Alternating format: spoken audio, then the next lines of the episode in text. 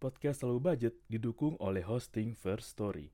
First Story adalah platform hosting yang lengkap, praktis, dan mudah digunakan untuk membuat, mendistribusikan, dan mengelola podcast kamu. First Story 100% gratis. Kamu bisa atur jadwal podcastmu kapan aja, dan kamu bisa distribusikan podcast kamu di semua platform hits podcast di Indonesia. First Story punya fitur keren yang bisa membuat kamu lebih dekat dengan pendengar kamu loh. Sudah penasaran belum sama First Story? Eits, ada lagi nih. Dengan First Story Ads, kamu bisa monetisasi podcast kamu juga. Menarik bukan? Gapai potensi maksimal podcastmu dengan tools dari platform hosting terbaik untuk para podcaster. Daftar sekarang di First Story. Mari bawa mimpi podcastingmu menjadi kenyataan. Menurut gue, cara untuk bisa ngurangin seenggaknya salah satu dari beban yang lu rasa adalah dengan ngobrol.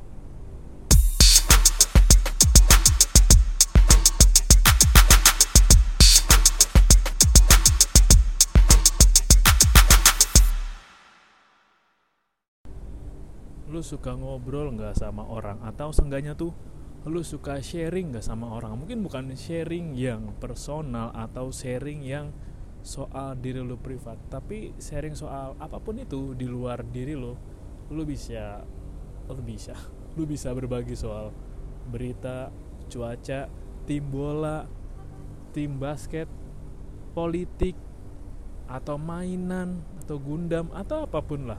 Tapi lu pernah nggak coba untuk ngobrolin kesukaan lu atau sudut pandang lu ke orang lain.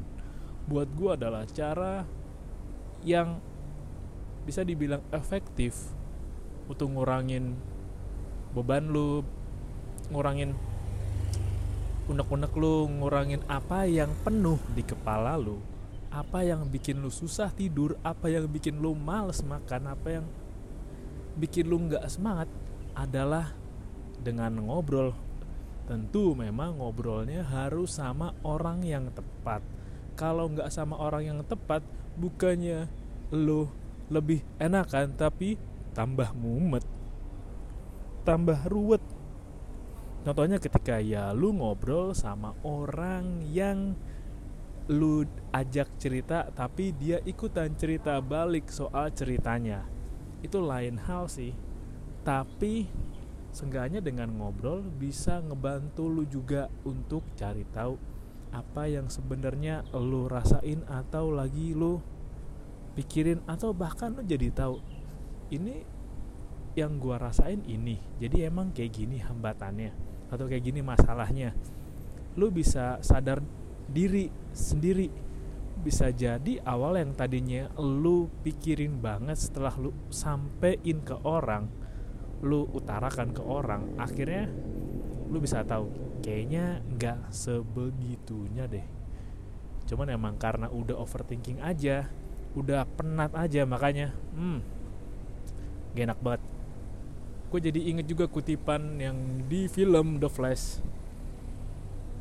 Ya kadang masalah itu nggak harus lo selesaiin tapi harus lo lupain ya emang kadang lupain aja mungkin mungkin di luar sana ada yang ngira bahwa masalah pemerintah politik kayak masalah kebijakan apalah atau masalah si tokoh A pindah partai lah atau masalah yang kemarin lagi rame nih kayak anggota DPR main Candy Crush lah jadi masalah dia juga.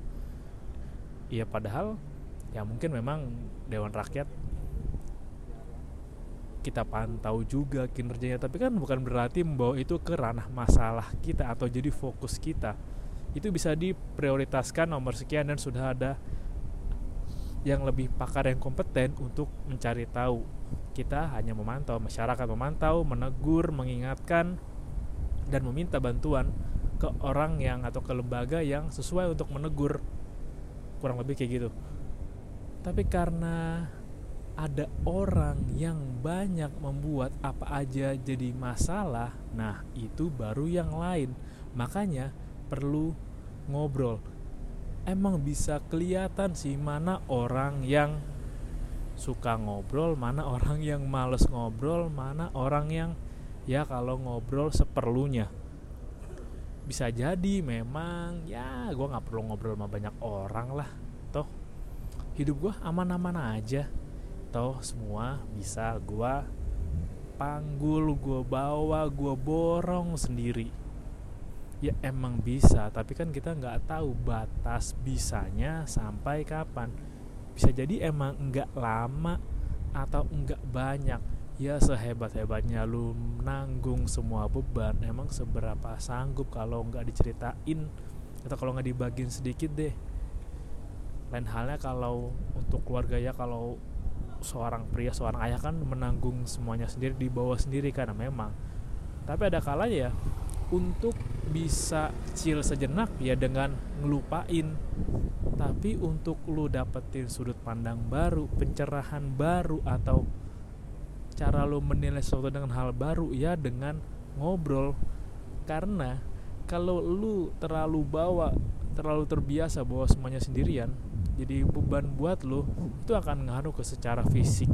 Lu pernah lihat nggak orang yang kelihatan banget tertekan dari mukanya? Dari mukanya kelihatan tertekan pernah lihat nggak lo soalnya kayak dunia menghimpit gua bos. Gerakan gua nggak bebas nih bos. Iya dia ngerasa gitu. Padahal ya itu hanya ada dan terjadi dalam pikirannya. Sering banget tuh makanya gue suka banget gue sama Sarah Amani yang bilang ya adil sejak dalam pikiran benar sejak dalam pikiran. Nah, emang dalam pikiran dulu menurut gue juga ngobrol itu bisa jadi salah satu terapi yang baik dan komunikator atau cara berkomunikasi yang baik. Memang kita nggak bisa mengharapkan lawan bicara kita seperti apa yang kita inginkan atau kita harapkan. Ambil contoh kayak gua tadi, gua telepon sama orang yang emang nggak bisa diajak santai bawanya ngegas mulu. Ya udah nggak apa-apa lah. Mungkin emang dia punya gangguan pendengaran atau emang suaranya gede aja kayak teman gue si bedul suaranya nggak bisa pelan atau emang orangnya gampang sumbu pendek aja ya kan kalau lu nggak ambil pusing ya emang nggak jadi pusing. Batasnya kan ada di diri lo lagi. Kalau emang lo terbiasa menganggap serius semua masalah dan nggak bisa dipercandain yang salah ya lu. Masa lo mau nyalahin orang lain? Ya kan yang nggak bisa ngendalin diri kan lu. Terus gimana? Terus lu berharap semesta berubah gitu buat lu? Lu harap gitu? Well gue juga inget sih ini salah satu teman gue si Mariadi bilang ya lu kayak mesti banyak ngobrol deh. Ya emang banyak ngobrol tapi jangan lupa ngobrol sama diri sendiri itu juga perlu. Perlu lagi kan ada penelitian yang bilang kan kalau lo sering self talk sama diri lo lo sering ngobrol sama diri lo akan ngebuat otak lo menjadi lebih efisien dalam bekerja. Mungkin memang perspektif yang bisa didapatkan hanya dalam sudut pandang diri lo aja tapi karena lo tahu misalkan kayak gue ngajak ngobrol diri gue sendiri nih tapi gue sesekali mencoba mengambil sudut pandang orang lain orang lain. Misalkan gue ah bayangin kalau misalkan gue jadi misalkan gue ngobrolin soal politik nih bayangin deh kalau gue jadi anggota DPR gue cara mikir gue gimana ya kalau gue jadi parpol ya. Kalau gue jadi para anak-anak baru yang lagi direkrut partai cara pikir gue gimana ya? Kalau gue jadi ketua partai cara pikir gue kayak gimana ya? Sengaja untungnya gue gue membiasakan untuk bisa dan mau belajar melihat segala sesuatu dari perspektif yang beda. Jadi meskipun gue ngomong sama diri gue sendiri gue bisa menempatkan posisi gue ketika berada di banyak sudut pandang. Dan cara ngelatihnya adalah menyimak melihat mendengar memperhatikan. Lu cari di YouTube lu baca bagaimana cara mereka mengambil sudut pandang mereka ketika melihat sesuatu. Jangan ngadi-ngadi. Kalau ngadi-ngadi tuh kesempatan untuk tidak akuratnya lebih besar dari lo melihat secara langsung dari rekaman atau bahkan ngelihat secara langsung dari datang langsung atau ngeliat langsung meskipun juga masih bias. Karena bisa jadi ya apa di apa yang ditampilkan tidak sesuai dengan apa yang jadi kenyataan. Bisa terjadi sih tapi memang intinya kan ketika lu bisa terbiasa ngobrol lu biasa mengambil sudut orang lain dalam lu mengambil opini asumsi dan jadi materi obrolan sehingga lu bisa jadi lebih luwes dalam ngobrol. Menurut gue juga ngobrol memang salah satu bentuk terapi. Terapi itu karena yang ngebedain kita dengan hewan udah salah satunya adalah kita bisa ngobrol dengan santai. Udah ngobrol berpikir kritis bisa gibah pula mungkin gue nggak tahu sih di, di dunia monyet apakah monyet satu sama lain bisa ngobrol dan bisa ngecengin teman ya? Kalau ngejailin musilin iya. Tapi kalau bisa ngecengin misalnya ada monyet A B C ini A sama B gibah. Eh monyet B lihat deh. Masa si monyet C kupingnya caplang sebelah? Terus monyet B bilang ke monyet A ih apaan sih anjing? Orang tuh kuping kerja rumahnya mulu. Lah saya tahu banget tuh monyet B. Lah masa iya sih monyet C kupingnya panjang sebelah di karena jauh rumahnya mulu lah iya lah emang lo katanya kuping kiri gue caplang sebelah emang kagak dijewarin juga kayak kuping C. Saya tahu banget lu. Gitu emang gue nggak tahu siapa kah monyet bisa gibah gibahin juga sesamanya gue nggak tahu. Tapi kerennya manusia kan kita bisa saling memahami saling mengobrol. Yang membedakan kita dengan hewan adalah kemampuan kita untuk memahami dan mengobrol. Karena kalau di hewan adanya rantai makanan. Lu kebayang kalau manusia menggunakan sistem yang sama dengan hewan dengan rantai makanan bukan dengan berdialog berdiskusi atau berdialektika. Dan juga kalau lu terbiasa mengobrol dengan beragam orang dengan beragam juga latar belakang lu bisa lebih santai lebih chill dan tidak gampang tersulut oleh oleh sesuatu yang mudah terbakar. Atau jadi sumbu pendek lah jadi sumbu pendek gak enak tahu. Jokesnya adalah kesabaran setipis selembar tisu. Lu mau jadi kesabaran yang setipis selembar tisu? Mana tisunya tisu daur ulang lagi? Lu mau setipis kayak gitu? Kan enggak ya. Justru makanya ketika lu terbiasa mengobrol lu bahkan mau yang memulai obrolan itu bisa ngebantu lu untuk banyak hal banyak hal seenggaknya ketika lu punya inisiatif untuk ngobrol duluan mulai duluan berarti lu peduli nggak cuma dengan diri lo tapi juga dengan diri orang lain. Karena tuh emang ya ada sih orang yang pingin diajak ngobrol pingin ngobrol tapi bingung mau mulai obrolannya dari mana. Ya makanya emang penting. Gue juga lagi nyiapin sih cara memilih obrolan-obrolan nanti tapi ini untuk lo budget main aja lagi gue siapin. Untuk cowok ke cewek sih tapi kalau cowok sama cowok harusnya gampang-gampang aja lah. Ya emang kadang sama orang baru tuh ya kalau ngobrol emang seperlunya aja kali lebih enak nobar sambil main game. Karena kalau ngobrol bisa sampai lupa waktu lupa rokok lupa kopi uh banyak deh. Banyak. Tapi kan emang juga penting sih ngobrolan yang sampai jam 3 pagi tengah malam tuh emang lebih deep bisa ngomongin Godzilla konspirasi Godzilla konspirasi tembok Cina konspirasi bensin misalkan apa pun itulah. Itu kan emang terbiasa dari urusan ngobrol. Dan kalau emang lo pengen mengobrol dengan baik pastiin juga lo tahu lawan bicara lo dan lo sudah kenal dengan lawan bicara lo atau ya teman ngobrol lo teman diskusi lo lah cukup lama. Jangan tiba-tiba ujuk-ujuk.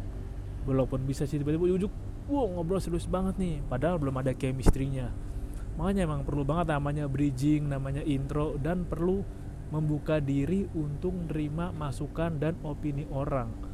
Gue nggak tahu ya apakah orang yang kesulitan dalam menerima opini orang yang berbeda atau pandangan yang berbeda dimulai karena memang orang itu jarang ngobrol atau biasa hidup dengan lingkungan yang sama. Ya lo bayangin aja misalnya ada sekawanan burung dara nih. Lagi ngopi-ngopi sana burung darahnya cucu cucu ah, enak banget nih kopi hitam pagi-pagi nih sebelum terbang kita ngopi dulu lah. Yoi coy ngopi dulu aja sambil sarapan ya roti-roti tipis lah roti AOK enak nih. Ditambah pakai selai stroberi. Misalnya ada burung lagi pada nongkrong pagi kongko-kongko gitu kan ada ya 12 gitu lah 12 lah atau 11 kayak Kapten Subasa lah. 11 orang gitu 11 11 orang 11 burung dara. Terus dia ngobrol tiba-tiba datang nih burung pelikan set. Yo what's up bro? It's sokap tuh. Beda sendiri nggak kayak kita sokap ya anak hilang kali ya. Yaudah nggak usah temenin yuk. Takutnya nanti kita diculik guys.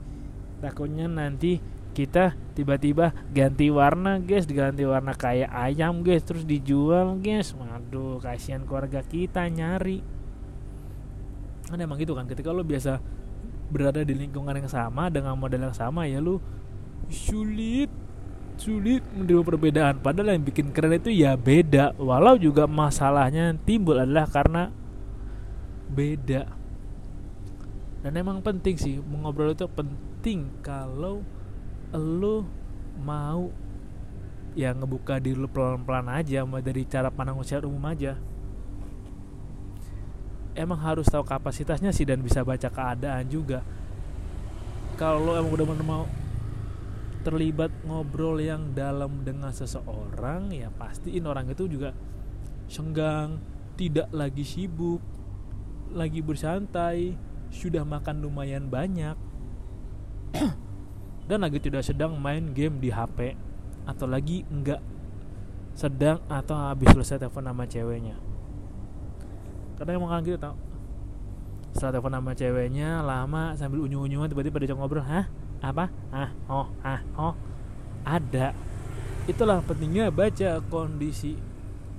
Dan salah satu bentuk ngobrol yang menurut gue terapi adalah ketika lo bisa ngobrol banyak hal sama orang tua lo ini ya untuk yang ya berlaku untuk yang keluarganya sehat mau belajar menjadi punya keluarga yang sehat lo memang mesti banyak ngobrol dan interaksi sama interaksi sama orang rumah.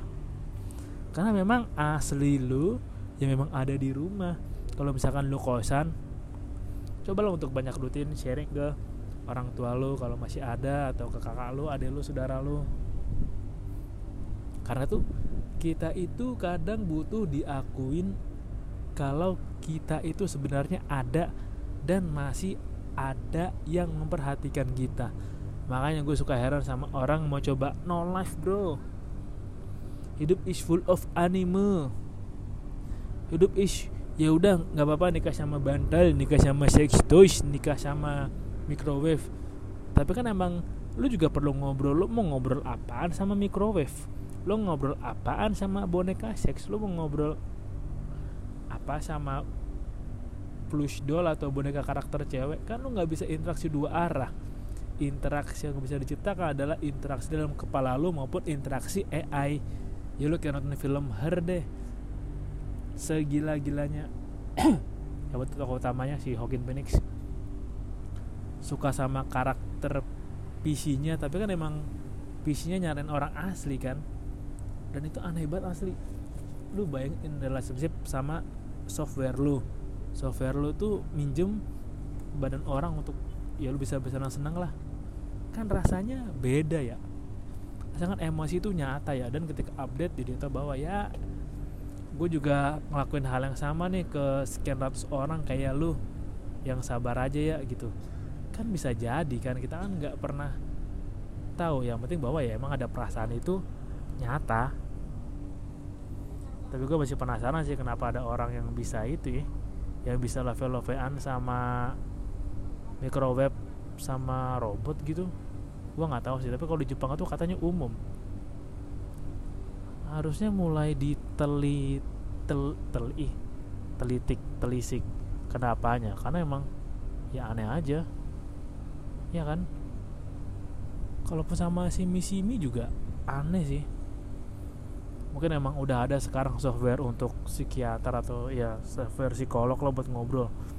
Tapi kan nggak bisa menggantikan peran kehadiran manusia secara langsung. Nah itu. Ngobrol secara langsung mengartikan bahwa lo masih menghargai manusia dan lo masih membutuhkan manusia untuk teman cerita. Tapi ketika media itu bisa diganti gue percaya bahwa kekuatan afeksinya dampaknya nggak bisa semaksimal ketika lu ngobrol langsung sama orang. Asli salah satu berkah terbesar yang bisa dirasain umat manusia adalah punya seseorang yang bisa mengerti dan mau diajak ngobrol apa pun yang ngobrol aja kalau gitu tiba-tiba ngobrol udah siang udah sore udah malam. Wah itu mungkin salah satu keajaiban dunia untuk personal secara orang yang ke 9 kali yang ke 8 tuh compound interest. Yang ke 7 kan 7 apa ya? Gue ngapa 7 keajaiban dunia. 7 keajaiban dunia. 8 compound interest 9 orang buat ngobrol kayaknya deh asli gue juga yang kata bang U sih ya lo emang kalau hidup tapi ketika udah pasangan emang lu mau ngapain lagi? Ngobrol ngewe. Kalau misalnya lu benar udah tua lu udah nggak sanggup ngewe lagi ya lu ngapain? Ngobrol. Lu kalau nggak bisa ngendali itu dari awal lu yang sulit sendiri dong. Kebayang sulitnya kayak apa kalau oke okay lah ngewe enak tapi nggak bisa diajak ngobrol gitu. Atau lah ya ngobrol enak tapi itu juga penting juga sih. Nggak boleh beras sebelah harus sama. Nah itu yang di ya kalau buat gue adalah ya kita PR membuat mencari atau menciptakan keadaan itu. Ya menurut gue juga ngobrol tuh terapi yang murah. Paling lu bayarin kopi atau bayarin makan siangnya nggak mesti yang buat janji temu. Bisa aja buat janji temu sih. Ya nggak mesti yang ribet. Inilah di prosedur ruang yang kaku lah yang penuh apalah. Ya terkadang emang ngobrol dengerin fix. Sesimpel itu. Sesimpel itu. Cuman yang sulit adalah menemukan mereka yang lu bisa ajak ngobrol apa pun tanpa ngejudge tanpa nilai lo kayak gimana saling bertukar pendapat. Ya itu menurut gua adalah kemampuan ya. Ketika lo bisa kritik orang tanpa dia juga takut kesinggung atau apa itu dia udah di level yang ya udahlah gue bisa setuju untuk nggak setuju gue hargai pendapat tuh dan ya udahlah. Emang kalau kita beda pendapat ketika ngobrol atau diskusi emang kita musuhan? Enggak kan ya kita hanya beda pendapat aja. Itu yang keren lo kalau ketemu kayak gitu sih. Dan semoga lo menemukan seorang yang bisa lo ajak ngobrol apa pun bagaimanapun kapan pun tanpa lihat